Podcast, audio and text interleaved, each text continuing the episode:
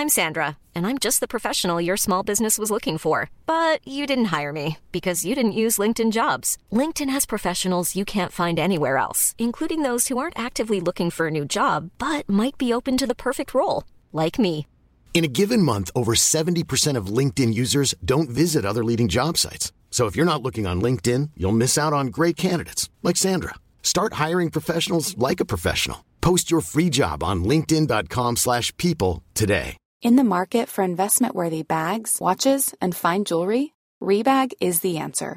Rebag is a luxury resale platform where each piece is carefully inspected by experts to ensure quality and authenticity. Use Rebag to buy and sell finds from the world's top brands, including Louis Vuitton, Chanel, and Cartier. Head to Rebag.com to get 5% off your first purchase with code REBAGNEW. Shop today at Rebag.com. That's R E B A G.com. And use promo code REBAGNEW for 5% off your first purchase. Hey, I'm Ryan Reynolds. Recently, I asked Mint Mobile's legal team if big wireless companies are allowed to raise prices due to inflation. They said yes. And then when I asked if raising prices technically violates those onerous two year contracts, they said, What the f are you talking about, you insane Hollywood ass? F- So to recap, we're cutting the price of Mint Unlimited from $30 a month to just $15 a month. Give it a try at mintmobile.com slash switch. $45 upfront for three months plus taxes and fees. Promo for new customers for limited time. Unlimited more than 40 gigabytes per month. Slows. Full terms at mintmobile.com. För att det är en grej om en, säg en, en eh, vanlig medborgare är rasist. Men det är en helt annan grej när vår statsminister är det. Han skulle vara det. Där måste vi snacka vänta, vänta, vänta, vänta. Det här måste vi snacka om. Kommer det bli en humorskets på statsministern när han sa folkmord? alltså det där var det sjukaste Ja, det, jag det, sett. det, det, där, alltså. det där var sjukt faktiskt. Skattuget, det där var, det där var väldigt obehagligt. Men... räcker det! Alla kreatörer kontaktar mig och jag... Vad gör du på TikTok? Ta de orden helt enkelt. Han kan köra upp dem i sin fuck! Bianca Ingrosso, Sven-Joakim Lundell, Antonia Mandir. Kokar just nu på sociala medier. Okej, vi har med oss en väldigt spännande gäst idag Arman. Ja, det är den här personen. Jag är väldigt taggad inför det här avsnittet. Jag ska inte ljuga, så jag brukar kolla mycket på den här personens eh, content på sociala medier. Jävligt duktig. Och du var på hans eh, stand-up show också va? Mm, ja, det stämmer. Jag var där med min fru. Uh, han var faktiskt väldigt snäll och skickade mig uh, två fribiljetter. Så jag var där med min fru. Uh, vi kollade. Det var väldigt bra. Eh, speciellt för att vara första gången som han är ute på vägarna och kör stand-up. Ehm, jag skrattade ibland så att jag höll på att ramla av stolen. Alltså. det, var, det var skitroligt. Men gästen vi har med oss idag är alltså Diari. Välkommen. Tjena. Tack så mycket. Tackar. Det var en härlig intro faktiskt. Jag, ja, det pirrar i mig. Gör det. Nej, men tack. Jag är, glad, jag är glad att du kom.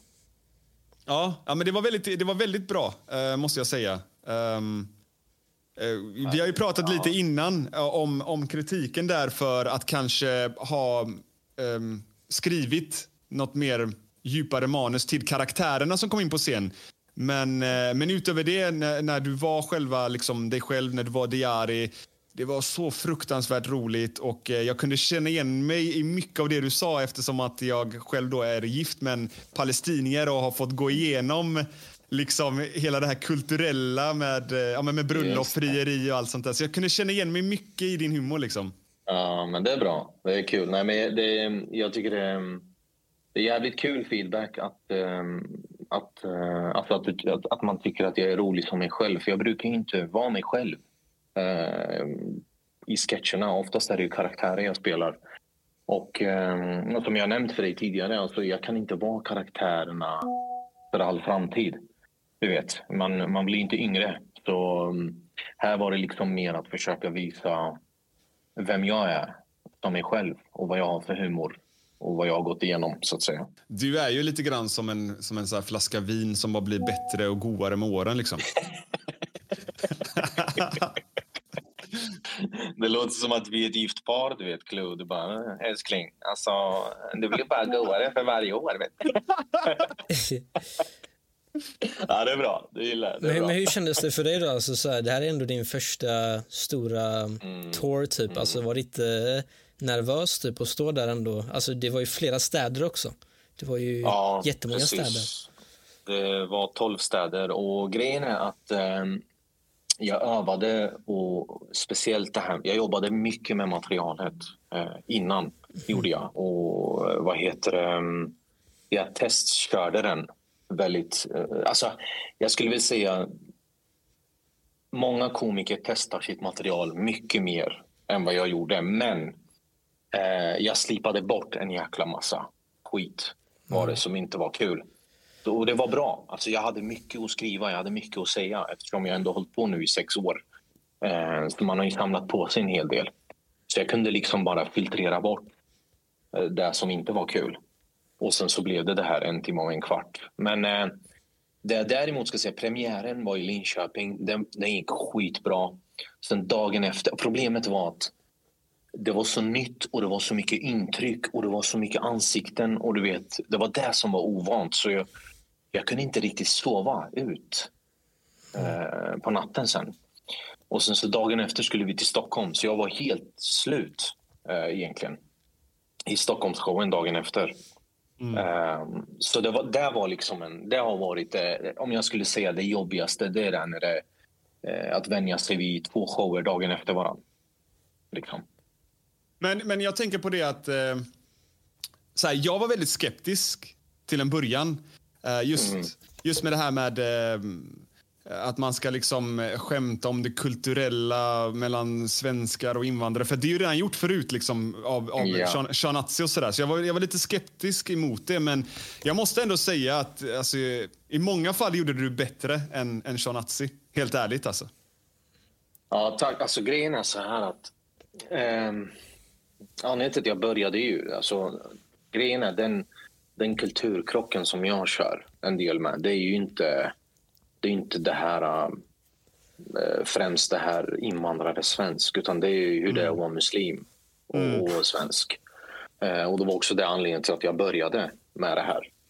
Så att, eh, och jag, jag, jag har någonstans fattat det, att det blir så här liksom när man går upp på en stand-up-scen och så ska man köra sådana här samla gamla jävla kulturkrocksskämt. Du vet. Men för mig har ju liksom, för mig har ju krocken varit inte främst invandrare svensk utan muslim svensk.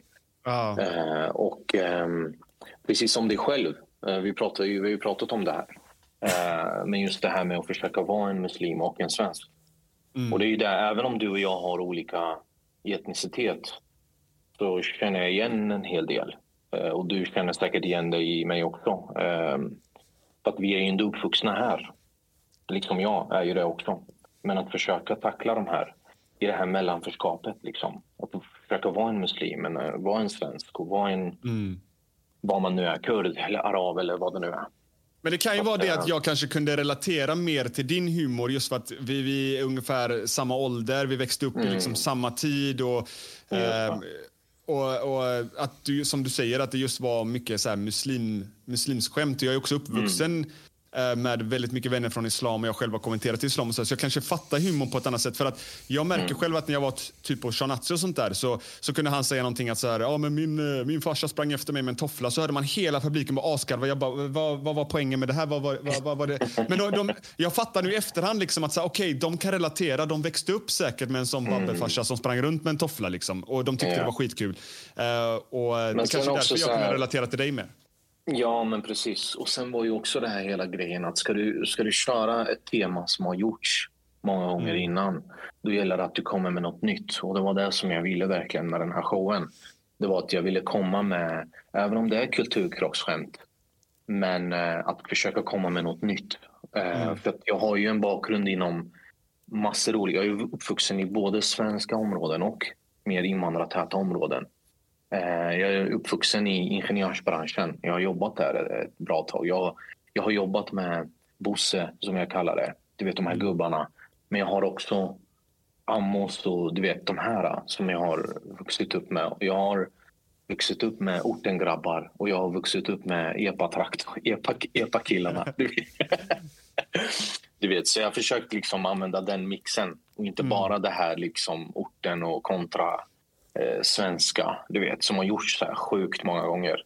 Eller jag, fick- ja, du vet, morsan sprang efter mig med tofflan. Det, du vet, det är så jäkla mm. utpratat har det blivit. Du vet, så. Det som är nice med dig dock, det är alltså utöver liksom stand-up shows är att jag har sagt det där till dig privat också tror jag att, att mm. din publik är jävligt bred. Alltså jag tror nästan alla alltså, kan relatera. Jag kan ju relatera extremt mycket. Jag är också uppvuxen med liksom en familj från Mellanöstern. Liksom, så, men även mm. svenskar, alltså så här, stereotypes, alltså så här, vad som helst. Typ, mm. Folk i Sverige kan relatera till ditt content på något mm. sätt känns det som. Alltså, så här, eh, ja, men precis. Alltså, det där har ju varit målet, att försöka ha en bred... Men också målet, alltså det, det här är ju den jag är. Alltså jag, jag som jag nämnde tidigare, jag har vuxit upp med... Alltså gymnasiet för mig, det var jag gick i samma klass som folk från bygden. Liksom, du vet. Ja. Sen har jag gått i högstadiet. Det var bara ortengrabbar i liksom, Linköpings eh, eh, invandrartäta ort. Du vet, så, men, så fördelen är att jag har fått en fot in i alla olika typer av eh, eh, grupper och jag har fått en annan perspektiv. Men samtidigt finns det ju den här identitetskrisen också. Du vet, och den, den försöker jag använda i humorn. Mm. Så jag är ändå glad att, över den breda publiken. Alltså, du har allt ifrån Kerstin till eh, Ahmed som är 18 år liksom, eh, som tittar. Och, eh, och det är poängen med humorn, liksom, att försöka få folk att förstå eh, olikheterna men också att vi är lika på många sätt. Ja, och just den här, den här breda så här, eh, målgruppen du har och, och liksom så här, det, det här, eh, alltså ditt content som kan sträcka sig väldigt långt gör ju också att du kan vara lite mer edgy i dina jokes och sånt mm. som du postar. Mm. Liksom. För till exempel den här, eh, alltså vi kommer gå in på det här lite mer nu, men, men jag minns att du postade en, en sketch där det var den här eh, det var någonting om koranbränningen, så här med åk hem om, du, om det inte passar typ. Mm. Och det är mm. rätt så kontroversiellt men du gjorde det liksom ja. ändå i ett, på ett komiskt sätt. Det var roligt, man skrattade du fick fram det du ville säga liksom på ett roligt sätt. Så att mm. det blev ändå en okej okay stämning typ med att berätta om det. Ja, men precis. Alltså, det är, alltså du vet, den, den här uh, edgiga typen av humorn. Jag har haft perioder i, under de här sex åren där jag har varit lite mer mellanmjölk, du vet. Mm. Uh, försök vara lite så här uh, folklig och familjär humor. Men eh, jag märker att jag mår inte bättre av det. Utan jag, jag behöver få uttrycka mig liksom i det jag tycker och känner. Eh, sen är det inte alltid åt ena hållet. Det är åt alla typer av håll. Liksom. Du vet, så, eh, alltså, eh, jag har ju jag har ju åsikter och tankar som kanske stämmer överens med eh, någon, eh, oavsett vilken grupp man är liksom, eller vart man kommer ifrån. Men eh, när det kommer till just sådana här saker, alltså hyckleri, ironi, satir, du vet, dubbla måttstockar, dubbelmoral. Det är mycket sådana här grejer som, som jag går igång på väldigt mycket faktiskt. Ja, okay. Och jag gillar att göra humor av det. Mm. Och det spelar ingen roll vart, vem man är eh, som, alltså, som är skyldig till det där. Liksom. Okej, Diari, jag tänker lite grann på det här med, eh, med dina sociala medier. Där får man se väldigt mycket ja, men sketcher, komedi, mycket humor. Men man får se ganska lite av dig. Alltså, vem är Diari liksom, bakom alla karaktärer och så vidare? Mm. Ja, jag vet. Alltså det, jag har ju gömt mig väldigt mycket bakom min humor och karaktärer och sådär. Men alltså jag, jag är jag är 37 år idag och eh, jag är uppvuxen i Linköping. Eh, bodde i Stockholm ett tag, pluggade ungefär fem år. Flyttade tillbaka, gifte mig, skaffade barn och eh, hamnade lite i det här, du vet, ja, men du vet det här hamsterhjulet på jobbet. Mm. Du vet, så här, ja, jobba, komma hem, käka, umgås med barnen, gå och lägga sig och sen bara, vad fan är det här? Och så, så jag har burit på jävligt mycket också, du vet, när saker och ting händer runt om i samhället. Du vet, så, så och så har jag haft väldigt mycket åsikter, men jag har inte, liksom, jag har inte riktigt vågat eller haft något medium eller en plattform att uttrycka dem på. Och mm. eh, en dag på jobbet så det var ramadan och jag fastade och det var ett nytt jobb, du vet. Så, så fick jag höra, väldigt, eh, fick höra lite roliga kommentarer liksom, om fastan och om ramadan och varför vi gör det och sådär. Och då tänkte jag fan alltså, jag skulle kunna prova att göra en sketch om det här. För det var väldigt inne med sketcher 2017, du vet 2018 där. Så jag tänkte jag testar. Och så, så när alla hade gått hem, jag hade skrivit något så här, ett litet amatörmanus. Eh, och då improviserade jag fram en Bosse. Jag hittade en hjälm hos de här gubbarna, du vet. Och varselkläder och du vet, lite sånt. Och sen så... Eh, jag provade att filma. Och hur jag än filmade, alltså du vet det här när man ser sig själv eh, på, en, på, en, eh, på en skärm, du vet. Hur jag än filmade, jag var inte nöjd. Men så tänkte jag, skiter i det, jag testar och så får vi, får vi se. Och eh, jag kommer ju från den här Facebook-tiden. Du vet, för jag hade inte Instagram ännu 2017. Jag hade inte Youtube eller något sånt där. Så det var bara Facebook. Och så, så började jag. Och så, så fortsatte det. Och jag har ett par vänner som har varit med från början och supportat mig väldigt mycket. Eh, och eh, och sen dess har det liksom bara tuffat på och sen märkte jag fan jag tycker det här är jävligt kul. Eh, det är en grej jag bara ångrat att jag liksom inte vågade starta det tidigare. Framförallt ja. stand-up också nu.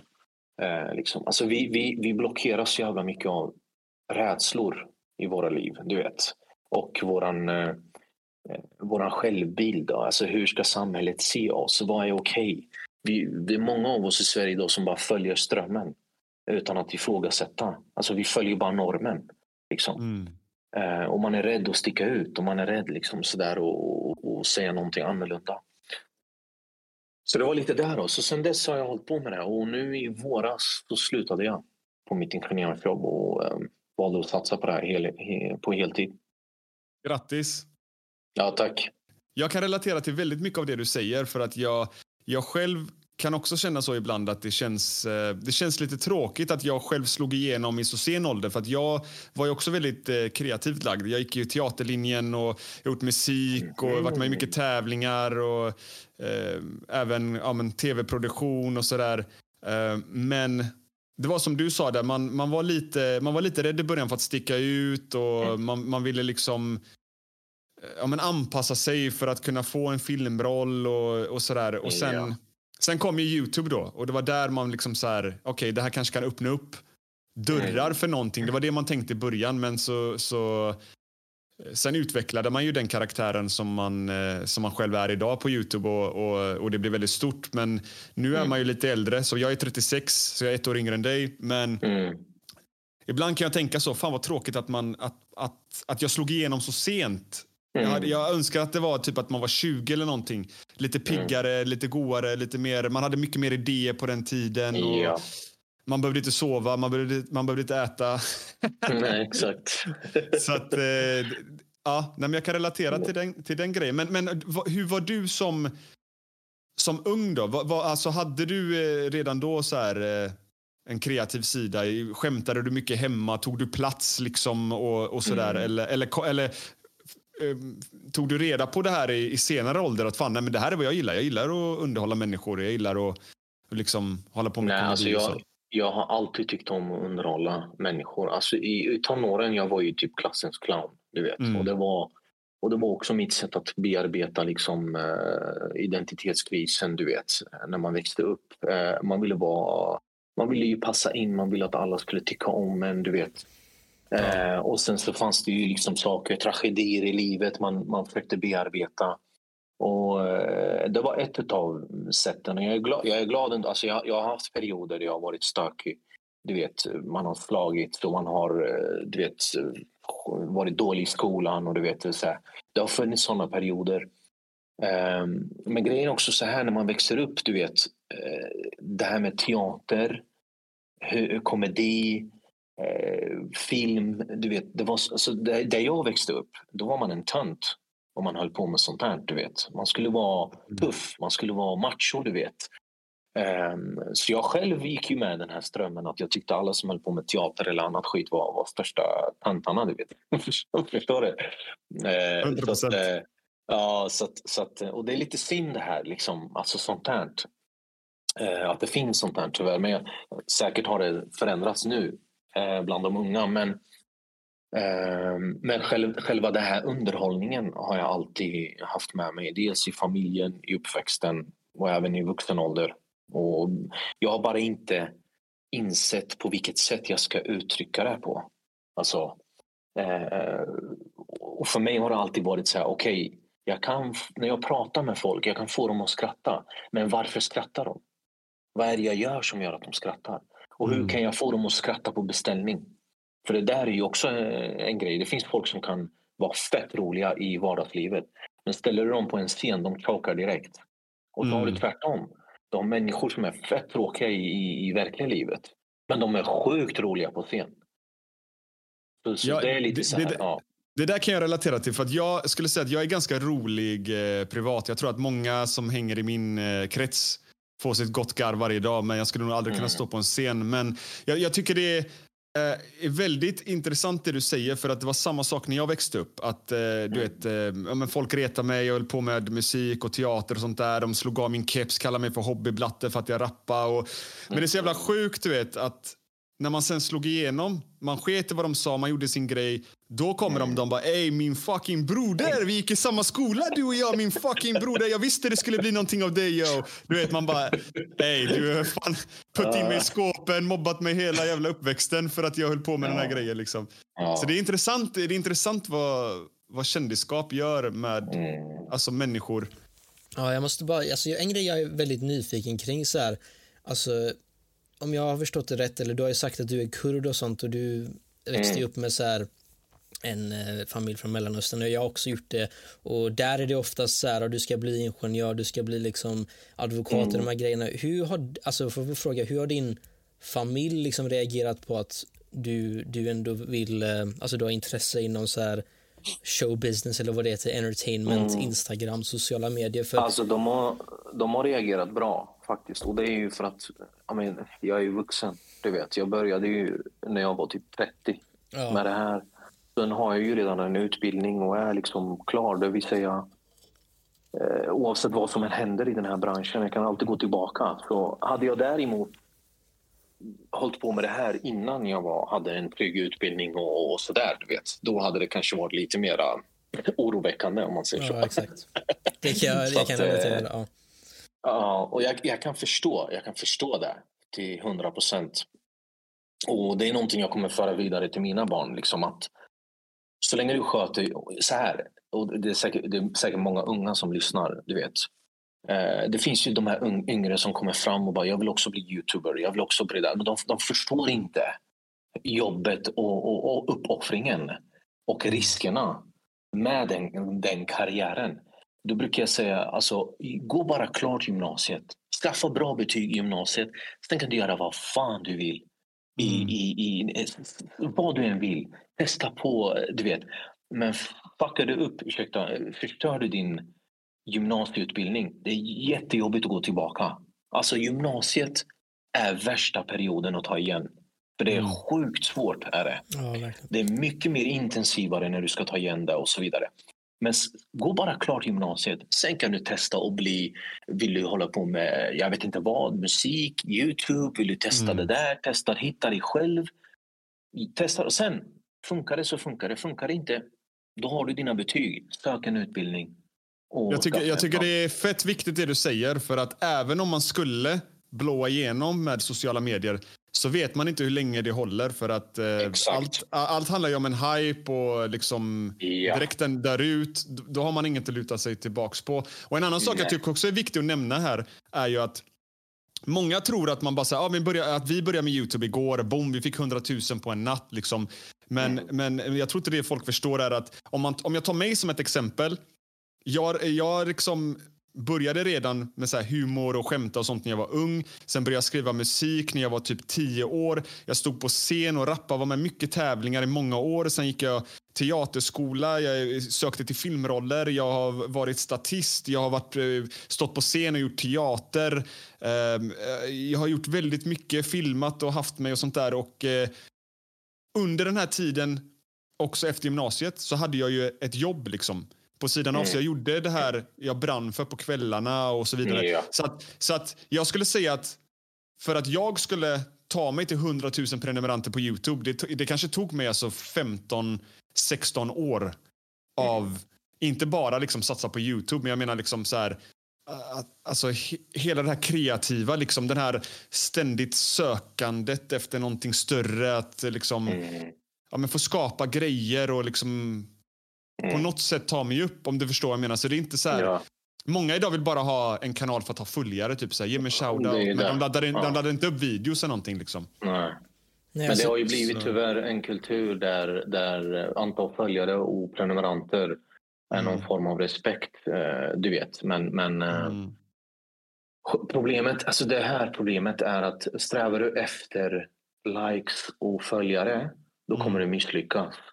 Du ska använda de här plattformarna för att uttrycka dig och få göra det du tycker om. Vad vill du dela med dig av till Exakt. världen? Vad vill du dela med dig av till nästa generation? Eller du vet så. Vad vill du, vad vill du säga? Har du, har du inte det, då ska du inte hålla på med det. Då kommer du inte lyckas med det. Liksom. Nej, spe speciellt inte när det kommer till sociala medier. För att eh, som jag sa, det vänder ganska snabbt. Och har du då Ja. inte den här kärleken för att liksom Mm. hänga med i svängarna, då slutar man ju ändå för att man gör det av Exakt. fel syfte. Och jag kan Exakt. säga, det är inte många som tror mig när jag säger detta. Men när jag började med Youtube, jag visste med handen på hjärtat inte att man kunde tjäna pengar på Youtube. Jag gjorde det bara Mhm. för att få liksom ut min kreativa sida, liksom Precis. skapa saker liksom. Ehm, Men det, är- det, det är ju så det är. Det är ju så det ska vara. ja. Så att, eh, och det, det, det tyder på att då gör man någonting rätt, av rätt anledning. Ja, alltså det här, det här, alltså så här, jag ska inte ljuga, likes och sånt är fett nice, men...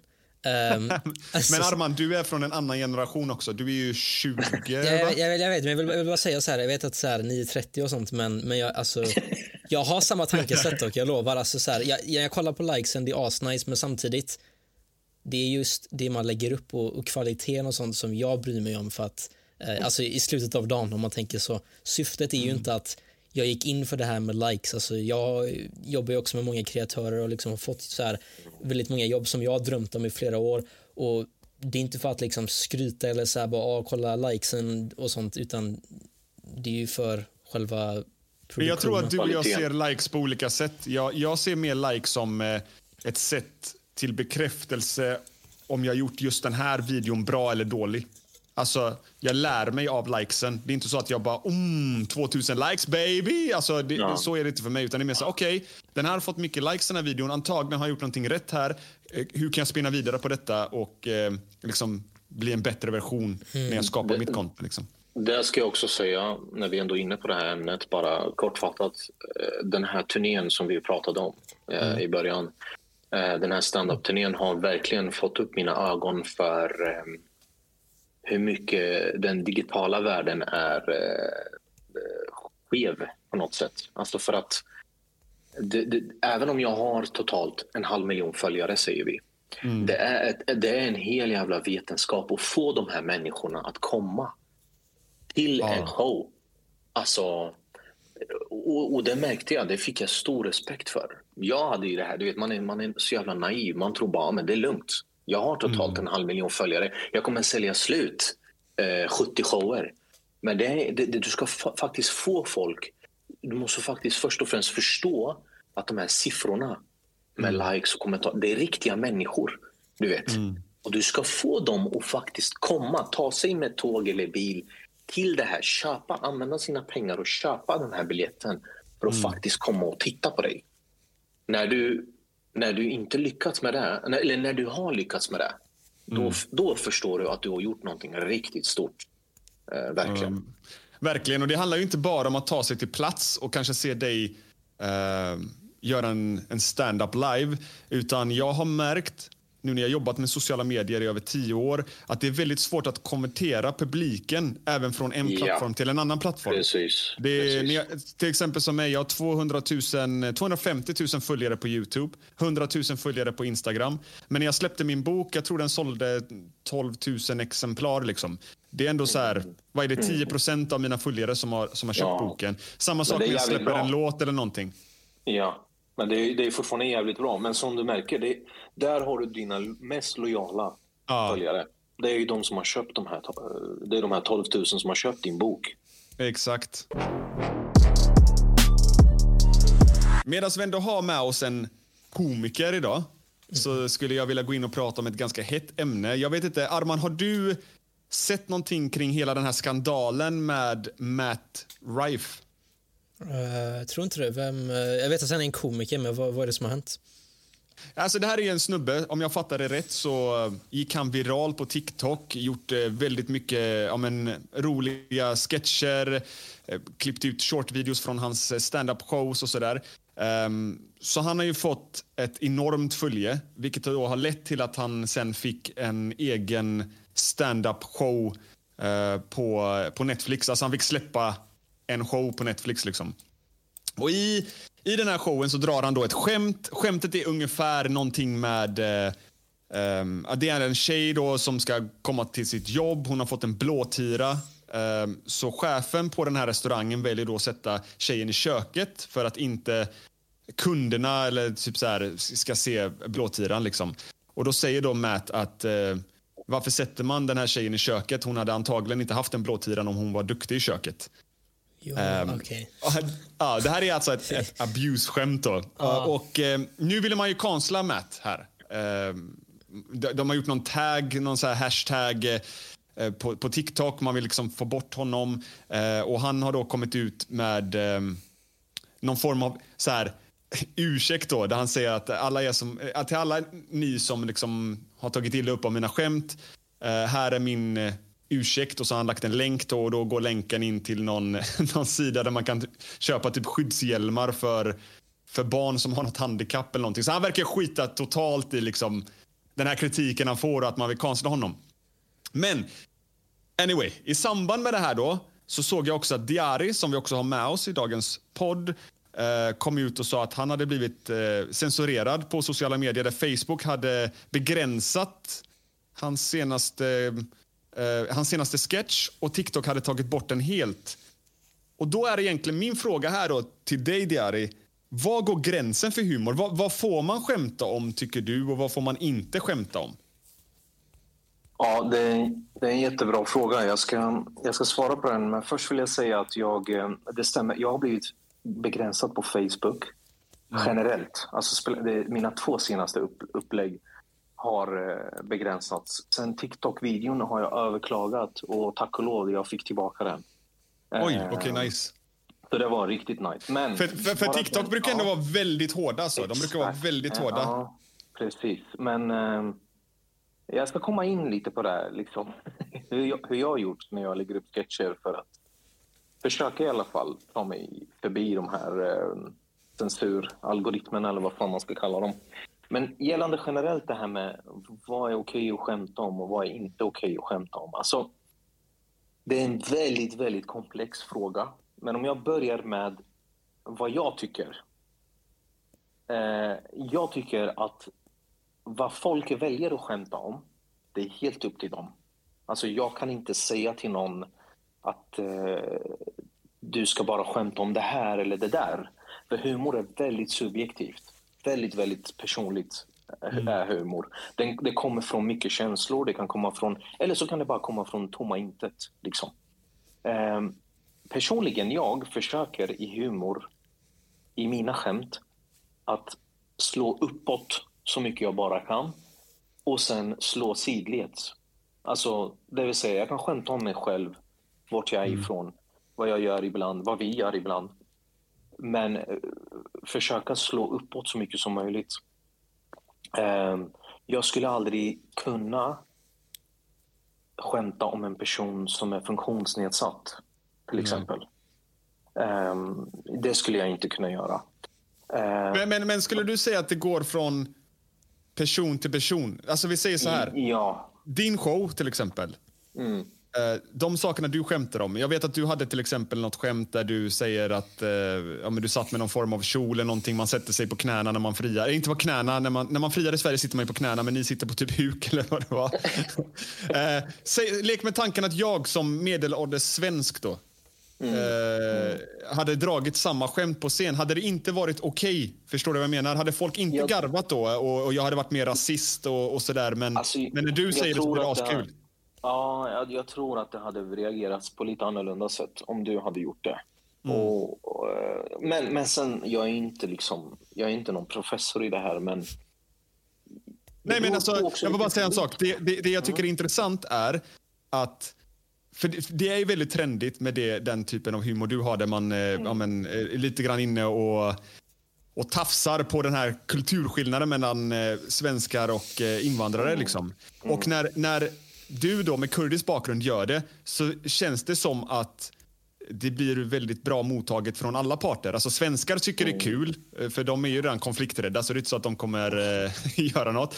Och, och de med invandrarbakgrund tycker det är kul. Men hade jag gjort det, Alltså drivit med eh, invandrarkulturen och sånt. Jag tror att, eh, jag, tror att jag hade fått, eh, alltså jag hade, jag hade blivit nedslagen efteråt alltså. Fast får jag bara snabbt där, alltså, det beror ju på hur du säger det också. Det är väldigt viktigt. Alltså, Ja, så här- det är sant, det är sant. Alltså, så här, Ja, om, om du hade stått på scen, jag tror ett sätt som hade varit perfekt för om du ska göra stand-up och, liksom göra invandrarjokes, det är att prata om någon som du kanske känner som liksom har, alltså som kommer Mm. liksom från, jag vet inte, eh, utlandet eller vad det heter. Ehm, och och på, på det sättet, om du bara står där och säger att ja, jag är svensk typ och, och sen drar de jokesen så folk kommer bli upprörda. Men om du så här, alltså, ligger det inte i hur man säger det också, Diari? Du som ändå är Mm. komiker liksom. Alltså kolla, det, det, speciellt när man är på scenen. Eh, många komiker har ju det här att de har ju en, en viss eh, säck med skämt. Och eh, de vet ju oftast att, vad, vad de har för publik. Och de vet också vilka skämt de ska börja med och sluta med. Eh, och vissa skämt brukar man ha i början för att lätta upp på stämningen. Eh, som du märkte i min show, jag, jag började ju med väldigt mycket så här, ja, men, om mig själv eh, lite. Jag drev väldigt mycket med mig själv. Ja, men, jag är kurd, jag är det där och du vet, ja, men det här med terroristanklagelser och du vet, bara för att jag är muslim. Du vet, det är mycket så här för att lätta upp. Och det är oftast mycket för, för att ja, men det är många svenskar som kanske vill skratta men inte vågar. Eh, och sen gå in på allt mer mot, ju längre showen går, mot Bosse eller mot kulturkrockar på olika sätt, på olika vinklar. Men sen är det också så här, alltså, i grund och botten, vart stand-up kommer ifrån har ju i begynnelsen handlat om att eh, det kom till för att vanliga medborgare skulle kunna få driva med politikerna och samhällsstrukturen och, och, och det jag menar med att slå uppåt. Alltså stand-up förr var ju det. Man gick oftast till en stand-up-klubb i en källare och då ville man liksom uttrycka sig om det man inte egentligen fick säga öppet om politiker eller om statsminister eller presidenten. Man, man, man gick dit för att kunna ventilera. Liksom. Eh, men idag så har det blivit lite både och. Alltså, många slår ju väldigt neråt också. Gör det. Och det är här lite liksom så här balansgången är. Du vet. Eh, och, det, och det här det är den här gråzonen. Liksom att, vad är okej att skämta om? Och är det okej att slå neråt så här hårt? Eller, eller, så, så det är väldigt, väldigt subjektivt. Är det. Jag tycker det är hårdare idag än vad det var förr. Och Det är det. eh, jag har även sett andra komiker komma ut Ryan Reynolds here from Mint Mobile. With the price of just about everything going up during inflation, we thought we'd bring our prices down. So to help us, we brought in a reverse auctioneer, which is apparently a thing. Mint Mobile unlimited premium wireless. Ready to get 30, 30, bit to get 30, bit to get 20, 20, 20, bit to get 20, 20, bit to get 15, 15, 15, 15 just 15 bucks a month. So, Give it a try at mintmobile.com slash switch. $45 upfront for three months plus taxes and fees. Promo rate for new customers for limited time. Unlimited more than 40 gigabytes per month. Slows. Full terms at mintmobile.com. When you're ready to pop the question, the last thing you want to do is second guess the ring. At Bluenile.com, you can design a one of a kind ring with the ease and convenience of shopping online. Choose your diamond and setting. When you find the one, you'll get it delivered right to your door. Go to Bluenile.com and use promo code LISTEN to get $50 off your purchase of $500 or more. That's code LISTEN at Bluenile.com for $50 off your purchase. Bluenile.com code LISTEN. och säga att skämt de drog för 15 år sedan som folk dog av är skämt som folk försöker konstla dem för idag. Ja, och det, är det här det, det är jättesjukt. Alltså, du, vet ju Kevin Hart som exempel. Han drog ju något, eh, någon tweet för någon tio år sedan eller någonting. Det, Mm. Jag tror det kostade honom Oscarsgalan. Liksom. Ja, det gjorde det. Och, ja, jag, jag vet inte säkert om det är välgjort, men det var, det var snack om det. Mm. Men här är också det här det sjuka, liksom, vad du har gjort förr i ditt liv. Vad fan har det med det idag att göra? Alltså, Exakt. Jag menar, jag menar vad- alltså, om, du, om vi tittar på oss själva för ett år sedan Mm. alltså, och vart vi är idag. Hade vi gjort samma sak? Hade vi och, och, och här också återigen, när man skämtar, men, inte, men bara generellt, sociala medier och sånt idag. Eh, Gör någonting som du kan vara stolt över om tio år. Mm. Så att du slipper titta tillbaka och tänka, hur fan tänkte jag då? Där och då. Men när det kommer till skämt, hur ska du veta hur klimatet är om tio år? Du Exakt. kanske skämtar om någonting som du tycker är kul idag, men som inte kommer vara det om tio år. Men samtidigt ska du behöva bli dömd för det om tio år. Eh, och, och, och jag tycker det är liksom tonen mot komiker och, den här typen av kulturen, att gå tillbaka till personens gamla eh, synder inom citattecken. Det vet ju du och jag som muslimer också är ju enormt fel. Alltså, eh, man, man tittar inte på vad man gjort förr. Eh, Nej. utan man går vidare och så, så stänger man det här kapitlet. Liksom. Men, att, men att idag, det finns så här rörelser du vet, som tar upp sån här jävla skit för vad man, vad man har gjort tio år sedan och ska behöva och ska använda det som ammunition. Liksom. Jag tycker det är jättefel. Alltså det har kommit en våg av så här cancelkultur nu där, Ja. alltså jag vet inte, det, fin- alltså det, det är något skönt. När vi postar till exempel nyheter, eller om det kan vara bästa nyheten någonsin eller vad, vad det än är, det är alltid någon som har något, alltså, som vill bara typ attackera så här som bara, varför existerar ni? Varför, varför, vad, vad är, alltså så här, som vill bara attackera, du vet, kör hårt och bara hittar någonting, gräver någonting bara för att, bara för att du vet, hata eller något. Men jag tror jag har svaret på allt det här. Jag tror jag har svaret på, på varför man inte kan skämta om vissa grejer och sånt längre. Jag tror, och ni får rätta mig om jag har fel här, eller om ni håller med mig eller inte, men jag tror att så här, det är internets fel, för det första. Internet har blivit så stort så, det, det, så att man kan nu samla människor på samma platser. Man gör Facebookgrupper. Vi som är Eh, vi, vi som är för eh, hbtq-rörelsen, vi, vi eh, är homosexuella, vi som är, hatar gym. Vi så, du vet, så blir de, de blir stora grupper. Och, Ja förut så kanske det var, vi säger att ja, för 15 år sedan någon drog ett skämt om Michael Jackson och pedofili så kanske satt någon i publiken och bara, mm, det, här är, det här är inte okej alltså. Men nu, nu samlas de liksom på samma ställe och går, i, går som en, liksom, en mopp liksom, ihop med hundratusentals människor och bara, han ska bort, han har dratt det här skämtet. Förstår du vad jag menar? Så att, eh, jag tror det är därför eh, de här grupperingarna eh, ska, ja, men de, de skapar eh, den här hetsen emot... vad- Jag vet Ja. inte. Jag, jag tänker också så här. Will Smith alltså. Kommer upp på scen efter ett skämt och, och örfilar Chris Rock. Liksom. Jag menar, vad, vad är vi på väg någonstans när det kommer till humor? Alltså, det, ja. alltså i, det där, I det där fallet, jag kan ju säga vad jag tycker om det där. Eh, Det är att, vadå, är, är inte Will Smith medveten, eh, som har varit i den branschen så länge, att det kommer vara en komiker som heter Chris Rock, som är komiker, som kommer driva, som är hans jobb. Han har blivit anlitad för att driva emellan eh, akterna och vad det nu är, prisutdelningarna. Eh, alltså, du vet, du kan inte sätta dig där om du inte du, om du kan inte vara med i spelet om du inte kan spelets regler. Han är ju mycket med, väl medveten om det. Liksom, alltså, för att bli chockad och... Ja, jag vet inte. Det där är... Nu kommer jag få hela... jag, ska, jag kommer säkert få några efter mig nu, men... Men samtidigt själv, jag tycker att man inte kan skämta om allt. Jag, jag skulle inte kunna göra det. Men folk som vill göra det, det är helt upp till dem. Alltså jag kan inte, jag skulle aldrig liksom vilja stänga igen någon. Men, men som ni var inne på, det här med internet, eller som du var inne på. Internet idag har ju blivit där varenda jävla idiot ska få uttrycka sig. Det är ju det Mm. som är problemet. Okej? alltså, det är där varenda kotte Ja. uttrycker sig. Och, och alla får säga vad de vill eller uttrycka sig utifrån deras känslor.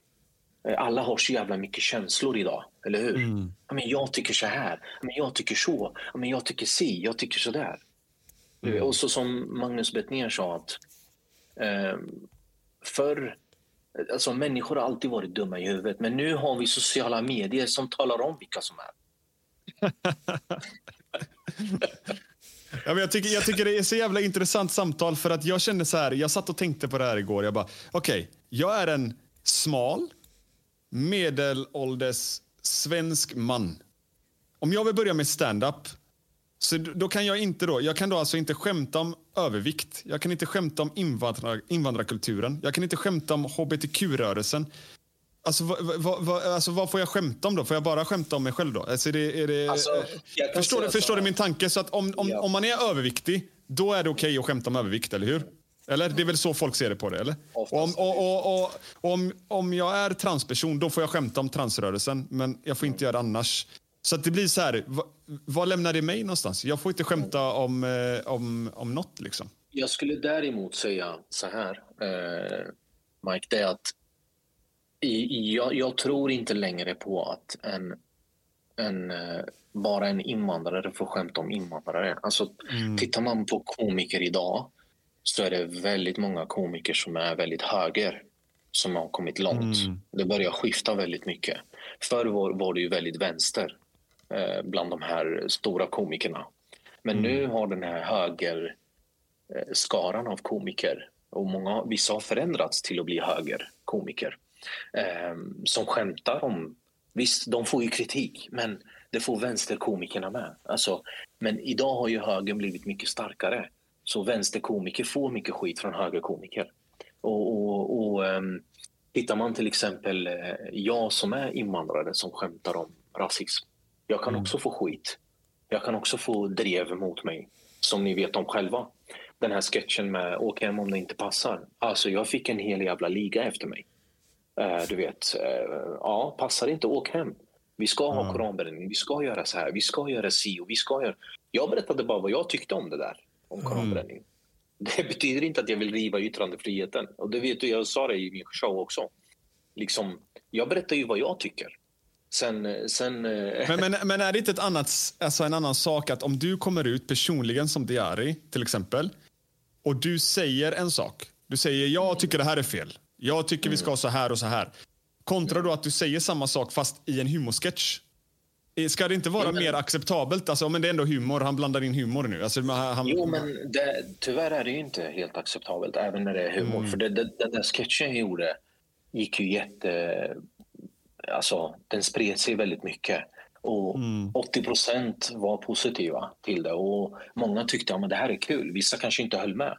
Men det var en liga. Det var många eh, som skrev väldigt, väldigt eh, opassande grejer. Liksom eh, mot mig. Så att, mm. jag, jag, tror att det där har börjat bli lite eh, balanserat på ett sätt. Alltså du har, du har woke-gruppen som attackerar en grupp av komiker mm. eller vad det nu är. Du har högern som attackerar en, en annan grupp.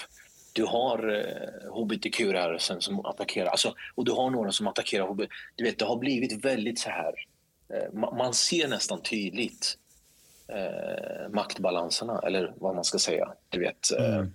du fattar vad jag menar. Så att, eh, och, och, jag ser svenska komiker, jag ser invandrarkomiker med utländsk bakgrund som tydligt skämtar om det motsatta. Liksom. Eh, och får skit. Eh, men, till skillnad från förr. Men, men, men jag, jag tänker så här, om, om man är typ Magnus Bettner som är väldigt grov i käften, om han kommer upp på scenen mm. och drar någon så här värsta grejen om transrörelsen, liksom så här, trycker ner dem och mm. då kan jag fatta att folk kan bli irriterade. Men, men om man är så här bara en vanlig jävla dude som gör stand-up och man kommer upp och man berättar om någon incident på någon fest, man gick in på toa med en brud och sen tog man henne mellan benen och så wow, så var det en snabel som hängde där och man bara wow, hej, jag är inte lagd åt det hållet typ. Och, och då, då, vill man, då vill man inte att folk ska bara åh, du är homofob, din jävel och så mm. konstla. Utan man berättar ju bara en historia som är rolig, som har, som ja. har hänt, hänt till exempel. Förstår du vad jag menar? Men jag vill bara att folk ska förstå det som lyssnar nu. att mm. eh, Jag menar ju inte att man ska få gå upp på scenen och bara så här, ah, fuck det här, fuck det här. Alltså det är inte det jag menar, utan det är mer så här om man berättar, om man, om man liksom med, alltså din intention är att vara rolig och att alla ska må bra och alla ska tycka det är kul. Alltså om du har det upplägget när du lägger skämtet, då tycker inte jag att man ska ha att det ska vara så hårt liksom, och att man ska bli cancellad för det. Men däremot om man har den här approachen som till exempel då Magnus Bettner som är lite hårdare i sin humor och sin ton när han lägger fram saker. Då kan jag fatta att folk kan bli lite irriterade. Fast, Ehm, fast även där, alltså, så här, jag ty- ja. han, han, han, han har ju rätten att ha det för det är, alltså, det är jokes, det är komedi men jag tror, Mm. att, jag tror att det ligger i publiken, hur, du- alltså de här som är känsliga för, som du sa Diarry, har blivit mer känsliga genom åren och så här, alltså eh, det känns, jag får uppfattningen av att när folk reagerar starkt på ett skämt eh, på typ en, på typ en stand-up show eller något så alltså de fokuserar mer på eh, typ en åsikt som komikern försöker Ja. lägga, lägga fram istället för Mm. själva skämtet. Att bara, ah, tänker han så egentligen? Alltså, så här, istället för att bara tänka, det här är jokes, alltså skratta liksom, så här, ha kul typ. Alltså istället, och det här är, förlåt att jag avbryter, det här är så viktig grej, vi måste understryka det här. Alltså jag har, jag har sketcher och skämt där om du, om du tittar på helheten då kommer du fatta vad jag syftar på. Men nog fan har du några jävla punnhuvuden som plockar ut en liten del och bara aha, är det så du tycker? Nej, titta klart. Eller lyssna klart. Förstår du? Och det är folk som hela tiden ska läsa in saker. De läser in sina egna känslor i saker och ting. Oftast när du märker, om du får kritik för någon, säg att du gör, ett- du gör ett, du gör ett Youtube-avsnitt eller ett poddavsnitt nu. Okej? Den är en timme lång. Men någon jävel plockar ut någonting du sa vid 45 minuter. det där händer ofta. Ja. Och, och, och liksom bara förtränger allt annat du har sagt innan och efter. Det där är, jag Där tycker det, det är så jävla läskigt där med sociala medier. För att jag har ett klipp, en storytime som jag berättade för många år sedan. Där jag berättade när jag blev mobbad i skolan på grund av att jag gjorde rap och jag hade bandana och kepsen på sned. Och jag säger då att det var ett gäng som kom till mig, du vet de slog av mig kepsen, låste in mig i ett skåp. De kallar mig för n-ordet. Och sen då har folk klippt ut när jag säger n-ordet bara och skickat runt det på nä- nätet och kallat mig för rasist. Han säger n-ordet. Men jag, jag, jag återberättar ju bara vad i min storytime, vad de här grabbarna sa till mig när de slog mig. Och det här Förstår- är också det farliga. Och jag ska säga det här för, till ditt försvar, eh, Mike. Och det, det är liksom... Eh, om, om, och det säger jag till de som reagerade på det här. Det är att om de går på dig bara för att du berättar en erfarenhet i ditt liv. Mm. Eh, då går man tillbaka fem steg. Förstår du Ja, menar? verkligen, verkligen. Först, först, först man går på dig, vilket gör dig mer frustrerad. Eller hur? För du kan inte få berätta dina erfarenheter i livet. Mm. Och samtidigt så man lägger ribban på en nivå som gör att det kan hända att det slår tillbaka på en själv Mm. väldigt hårt. Och den nivån där allt ska vara på... Alltså, jag, så här, att berätta erfarenheter i livet. Jag, jag berättar alltid i mina liksom, erfarenheter, i mina skämt och i mina sketcher. Det händer jättemånga gånger. Mm. Att jag skulle få skit för det då, det skulle göra mig riktigt förbannad. Eh, faktiskt. Och det gör det. När folk skriver till mig och är emot det eller reagerar. Men det här är mina erfarenheter. Liksom. Sen så självklart, jag tänkte det till en extra gång att nu ska inte jag bara plocka upp mina erfarenheter som slår alltid åt ett håll. Det fattar jag att det kommer verka lite fel. Utan Mm. jag, har ju, jag, har ju, jag har ju stött på motgångar från flera olika håll. Liksom, det är inte bara min uppväxt att försöka passa in som svensk. Det har varit Nej. också min uppväxt att passa in som muslim, som invandrare, som ingenjör, som man. Mm. Du vet.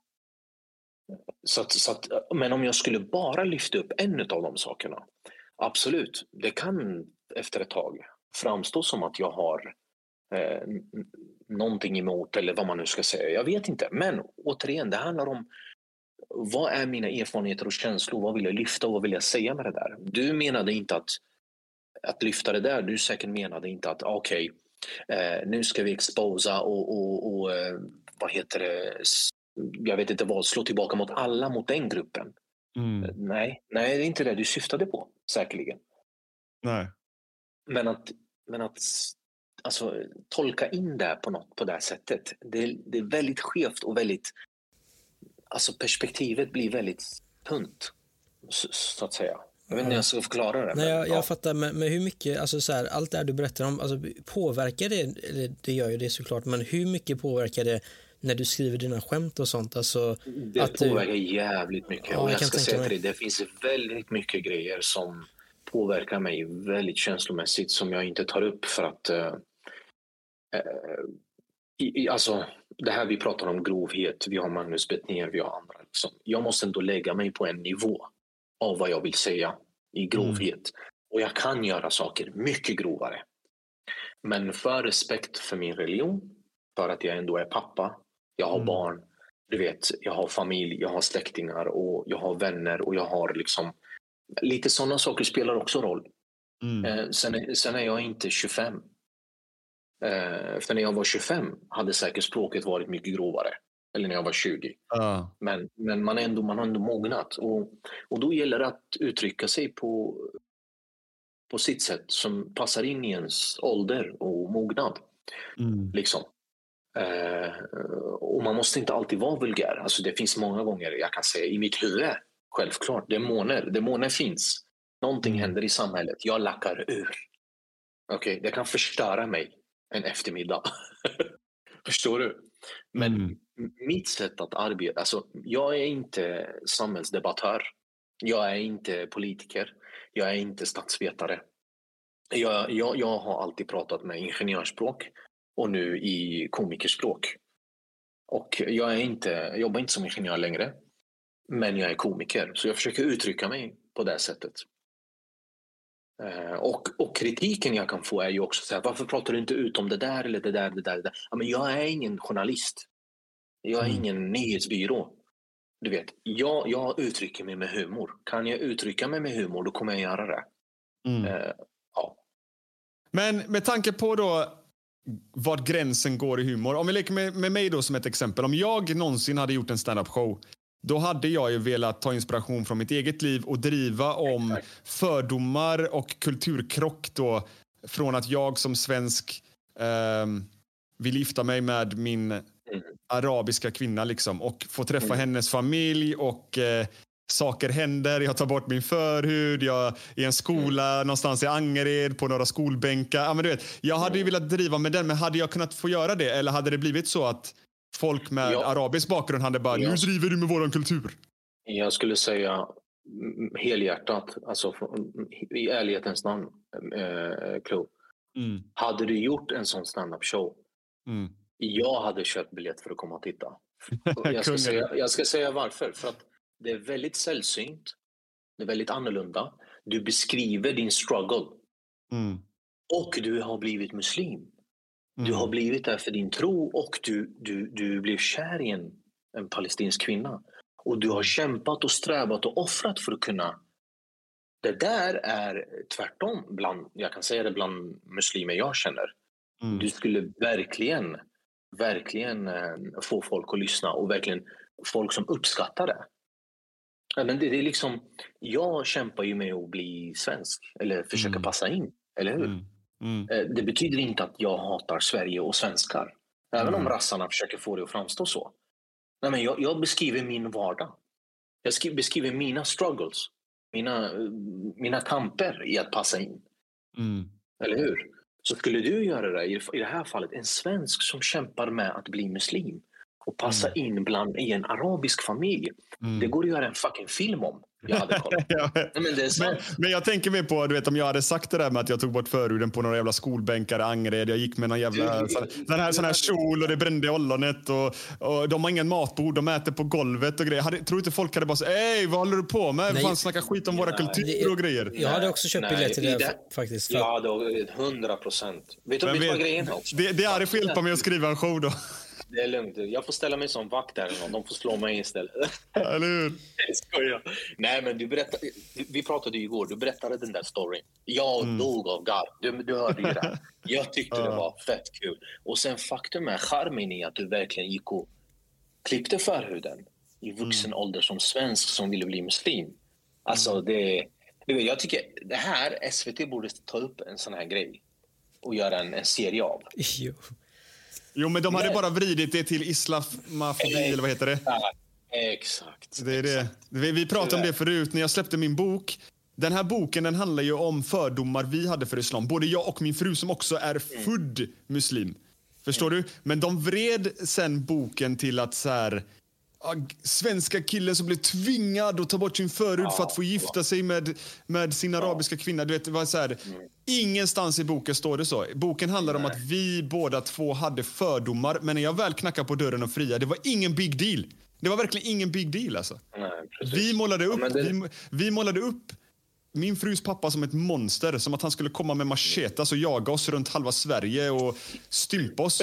Men, men han, han kramade mig, han pussade mig, han bjöd på kaffe, han bjöd på bullar och det var ingen big deal. Och han, han bara kollade min bakgrund, han bara, har jag jobb, har jag bil, har jag lägenhet, kom jag upp förberedd eller kom jag upp som en ung pojke liksom utan körkort, utan lägenhet, du vet. Förstår du? Han, han bara kollade, okej den här killen är stabil, Inga droger, ingenting sånt, inget kriminellt record. Han är stabil. Okej. Och då frågar, frågar han bara, älskar, du- älskar du honom också? Ja, okej, fine, gift er. Ja, helt rätt. Men, de det- målar ju upp det som något helt annat. Det, det är för att de vill, det, tyvärr, det här som irriterar mig så jävla mycket. En sån här grej, hur ofta ser du en show eller en serie eller en, te- en film om det? Det, det? När det blir ett lyckligt slut som, har, som är ett muslimskt sammanhang. Det är fan inte ofta, utan det är kalifat där du antingen är Ja. eh, light, muslim light Ja, som har lämnat din religion eller så är du extremist. ja. Du, du har ju det. Och, och, och det är för att det säljer. Den här grejen, skulle man gå ut med det här då skulle du få jäv... det skulle vara väldigt mycket skit. Ja, SVT promotar islam, vet du. Jajamän, vet du. du vet, de promotar ju... De... Snart har de, är de här och tar över. Vet du. De har ju börjat med klubb. Du. Jag älskar, när du använder den rösten också. Då. Ja. Men det, det, jag tycker det är nice det du säger. För att jag har en, en, eh, en, eh, en arabisk eh, polare, en av mina bästa polare. Han är skådespelare. Och han sa också det att eh, han får bara såna roller. De ringer bara honom. Hej, kan du spränga dig själv i nästa video? Kan du spela terrorist? Kan du... Bara ond också. Du, du, han får bara vara ond. Så här, även om det inte är så här att han ska spränga sig själv i i någon så här kalifatserie liksom, så, så ska han få spela en person som ska göra ett bankrån eller något. Alltså, du vet, bara för att han har det här arabiska mörka håret. Du vet, eh, han ska bara få vara kriminell. Han, han, det var därför han slutade. Han slutade för några år sedan som skådespelare och tog ett vanligt jobb. För han sa jag, jag pallar inte spela de rollerna. Jag vill ha vanliga filmer, kärleksfilmer och sånt. Liksom. Ja, ja, men det är helt förståeligt. Och det är...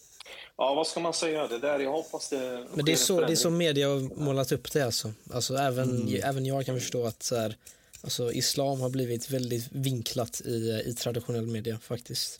Jävligt Mm. synd. Det har det. Väldigt det synd, det. Det väldigt synd.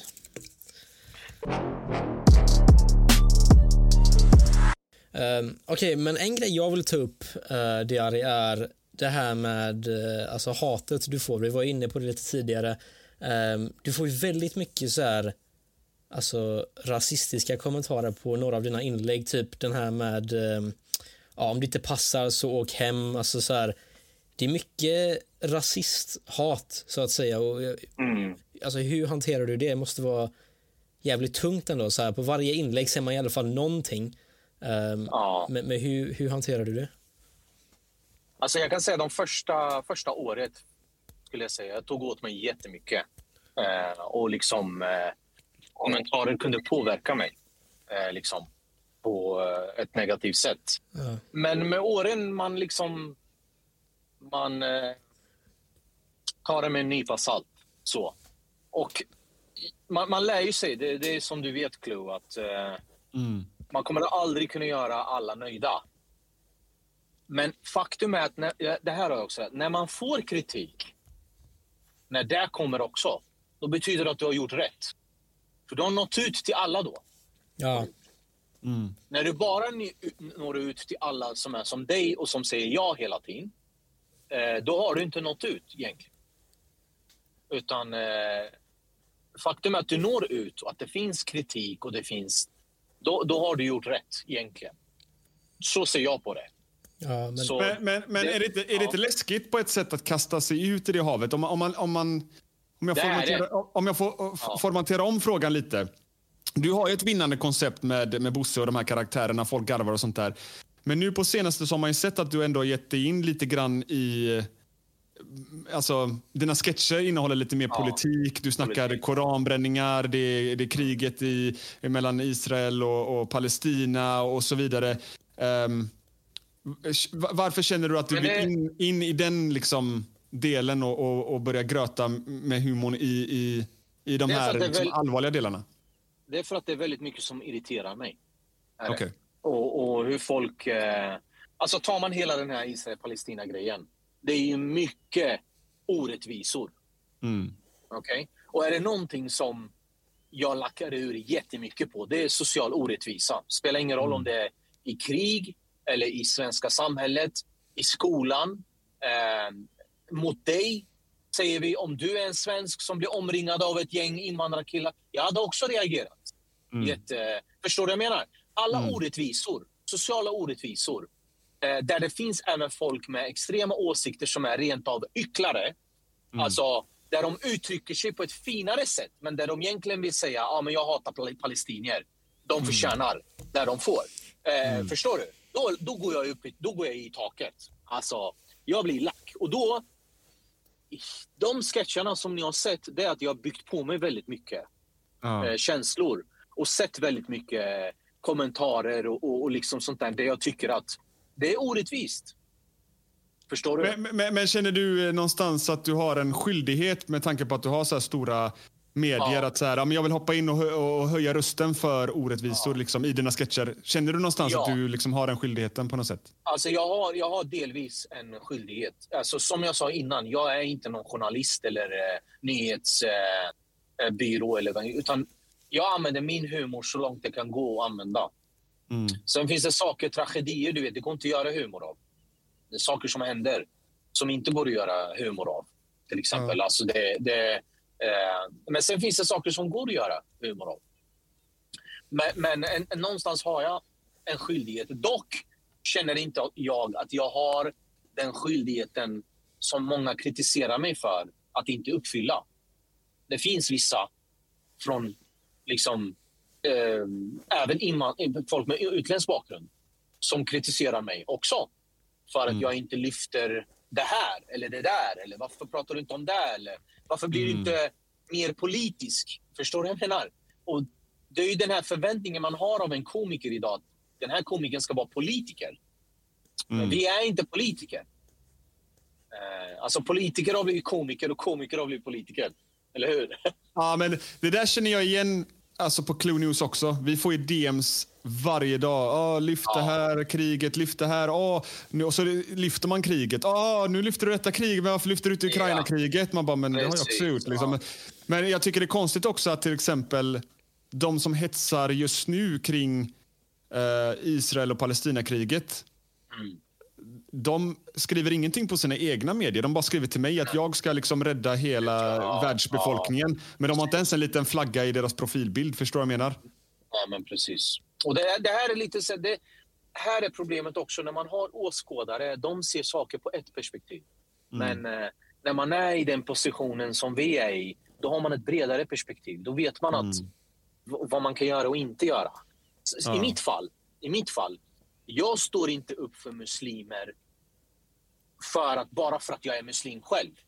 Nej. Även om det låter konstigt. Utan om inte jag står upp för muslimer, sådana som jag inte gör det, vem fan ska göra det? Ska Aftonbladet Exakt. göra det? Ska SVT göra det? Ska Dagens Nyheter göra det? De gör jag inte det. Jag tycker, det har varit väldigt, jag tycker det har varit väldigt tyst runt det här kriget i Aftonbladet. Det här är ändå det största kriget i modern tid. Liksom. Och, eh, det, ja. det, knappt så att det skrivs någonting om det. Enda gången det verkligen skrivs och det blir feta artiklar, det är ju när man eh, alltså tar upp vad Hamas har gjort. Liksom. Eh, ja, exakt. exakt. Det, det, här, det vad jag kan där känna. kommer skyldigheten in från ja. min sida. Att, att varför ska media få kontrollera våra hjärnor? Varför ska de här få kontrollera vad som ska fram och inte fram? Om de väljer att ta upp en sida enbart då kommer jag ta upp den andra sidan som inte har en röst. Mm. Ja, men jag tror också att så här, som du precis sa, alltså, när du gör de här sketcherna, det blir ju lätt att folk tror att du försvarar bara muslimer. Alltså så här, jag kan till och med också se det ja, så här. Det, ja. det, blir en sån fel uppfattning. Alltså, alltså, speciellt med den här koranbränningen, typ när du, jag såg att du lackade ur och sa att, att det är jävligt fult av den här, han här koranbrännaren att bränna en sån här helig bok på en helig dag utanför en moské liksom, och då kommer folk och mm. säger att han är ju muslim och han säger bara det för att det är liksom Koranen som är alltså muslimernas Ja. heliga bok. Men, jag, men jag fattar ju att du hade sagt exakt samma sak, tror jag i alla fall, om det hade varit liksom en prideflagga eller, 100%. eller typ en bibel eller 100%. någonting. Och det hade jag också. Så det, alltså, så här, det är där det blir fel uppfattningar. Ja, ja men 100 procent. Grejen är också, det är där vi kommer in. Det här med, om, återigen, det här, Koran- hade den här snubben, om du, har, om du har en kopia av Koranen, du vill bränna den, varsågod, det, det är upp till dig. Det är helt upp till dig. Det, det trycks nya. Men så fort du börjar göra det utanför, utanför en moské, på en helig dag, och uttrycker massa slagord och sånt där, då är det, handlar det inte längre om att bränna en bok. Förstår Nej. du? Det är därför jag reagerar på det också. Och att, och att ingen liksom nyhetsbyrå, eller vad man ska kalla det, eh, skriver om det på det här sättet. Utan Ja. återigen så är det att jag ska bara hålla käften och ta den och böja mig fram. Liksom. Och, och, ehm, och, jag ser det som hets mot folkgrupp. Jag gör det också, 100 procent. Ja, alltså det hade jag gjort även om det var en bibel eller Ja, ja, ja. Eller 100 Jag vet, jag vet att man får alltså inte säga att det är att en religion är en folkgrupp. eh, Men jag tycker ändå det är hets mot folkgrupp. Spe- Speciellt som du sa där, om det är ramadan, man går utanför moské. Det är ju för att hetsa. Det är ju bara för Ja, att liksom göra det- dem irriterade, arga, sårade. Exakt. Det är inte som att han kom dit med kaffe och bullar och ville sitta och, och, ta, en, ta en fika, eller hur? Men, men, men just, Nej, just, men- koran, just koranbränningen är jävligt, alltså det, alltså det är jävligt, jävligt konstigt också så här, att bränna en, en bok liksom och sen, och sen säga att det är yttrandefrihet. Det är så här, man bara tänker just koranbränning, jag förstår inte riktigt det här alltså. Att, Ja, men precis. Att, att och då är vi inne så här, som du liksom. sa på, det, och då är vi inne på det här, just det här som vi är inne på nu, rasism. Liksom. Och Jag har ju sagt till Clue med att jag, jag som muslim kan inte säga att rasism bara finns åt ett håll. Rasism Nej. finns från alla håll. Mm. Det kan vara mot muslimer, mot kristna, mot judar, mot... Eh, jag, jag är inte den som bara har ett ord för en grupp. Alltså, och, och som muslim får jag inte ha det. För att min religion säger att en, en eh, arab är inte mer värd än en icke-arab och, en, en, och vice versa. Och en eh, vit eh, är inte mer värd än en svart och en svart är inte mer värd än en vit. Så att man kan inte säga att rasism bara finns. Jag tycker inte det. Jag kan inte säga det som en muslim. Nej. Utan vi måste vara rättvisa mot alla. Ja. För, för, för mig är rasism ifall man bara accepterar sitt eget folk, sin egen religion, eh, sin egen et, etnicitet. Liksom. Då, då är man rasist. Liksom. Ja, jag fattar. Och sen en grej jag, jag vill tillägga också. Där rasism kan skilja sig beroende på maktposition. För att det är en grej om en, säg en, en eh, vanlig medborgare är rasist. Men det är en helt annan grej när vår statsminister är det. Ah, nej, ej, ej, ej, ej. Det där måste vi snacka vänta, vänta, vänta, vänta. Det här måste vi snacka om. Kommer det bli en humorskets på statsministern när han sa folkmord?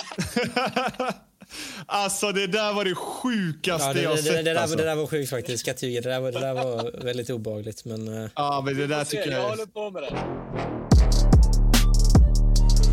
Okej, men vi kan börja runda av nu då. Eh, men avslutningsvis så vill jag bara ställa en fråga till dig Diario. Vad, vad är liksom så här slutmålet med alltså, ja men allt du gör på Komedin sociala medier komedin och alla dina plattformar och sånt. För man brukar oftast ha liksom så här final destination och vad är liksom Ja, målet just för dig? Alltså grejen är ju så här att, att eh, jag skulle inte vilja säga att det är ett mål, för mål den har ett slut. Men eh, min värdering, alltså vad jag lägger för värdering i det här jag gör är ju eh, jag försöker kämpa på mitt sätt för att människor med olika, olika, olika människor med olika bakgrund, vare sig du är etnisk svensk eller utländsk bakgrund eller vad du har för religiös åskådning, nationalitet, nationalitet etnicitet. Jag strävar mot att vi ska kunna leva i harmoni Mm. och samexistens i det här landet. Jag har inga planer på att flytta ifrån Sverige. Det här är mitt land, precis som alla andras. Och jag har mina barn i det här landet. De är födda här. Och jag hoppas att deras barn kommer kunna leva här. Och för att kunna göra det så måste jag ta i alla fall mitt ansvar att kämpa för att samhället ska bli eh, bättre. I alla fall fortsätta vara bra i de delarna som är bra och försöka bekämpa de delarna som är mindre bra och förbättra dem. Så jag försöker göra det på mitt sätt. Eh, och, och, det här är också många, många ska jag inte säga, men den här lilla skaran som kritiserar mig. De tror, precis som många av de här ignoranta, att ah, men, Diari är här för att ta över Sverige och underkasta oss alla till hans religion. Du vet, alltså va? Förstår du? Det, ja. det, och jag har sagt det här så många gånger. Liksom, jag anser mig själv, min nationalitet är svensk. Jag, mm. jag drömmer på svenska, jag pratar på, jag pratar på svenska hemma. Jag pratar på kurdiska med min mamma och pappa och några syskon kanske. Och så. Men jag känner mig som en svensk med kurdisk bakgrund och som är muslim. Och jag ska kunna bo, leva ja. här. Nej, alltså vi, bo, vi båda diggar ditt content som fan. Alltså, så här, du, folk borde sluta se det. Alltså, de här som kritiserar det, alltså, det är så här, när man väl går i diskussion med dem och lägger fram argumenten, det är då de blir tysta. Men i kommentarsfälten mm. så, så har folk liksom så här balls och du vet, säga ja. saker som, som de inte hade sagt så här face to face. Så, det är sant. Um, ja, men det, det, det ingår i jobbet. Det vet ju ni Ja, också. sant. Väldigt sant. Det, väldigt sant. Det ingår i jobbet. Men eh, jag tycker det ni gör är bra också. Fortsätt, eh, fortsätt köra på och eh, eh gör det ni gör liksom. Eller hur? Yes. Ah. Och låt, tack, och låt, tack inte stopp, låt inte någon stoppa er. Planning for your next trip? Elevate your travel style with Quince. Quince has all the jet-setting essentials you'll want for your next getaway. Like European linen, premium luggage options, buttery soft Italian leather bags and so much more and is all priced at 50 to 80% less than similar brands. Plus, Quince only works with factories that use safe and ethical manufacturing practices. Pack your bags with high-quality essentials you'll be wearing for vacations to come with Quince. Go to quince.com/pack for free shipping and 365-day returns. Imagine the softest sheets you've ever felt. Now imagine them getting even softer over time. That's what you'll feel with Bowl and Branch's organic cotton sheets. In a recent customer survey, 96% replied that Bowl and Branch sheets get softer with every wash. Start getting your best night's sleep in these sheets that get softer and softer for years to come. Try their sheets with a 30-night guarantee. Plus, get 15% off your first order at bowlandbranch.com. Code BUTTERY. Exclusions apply. See site for details.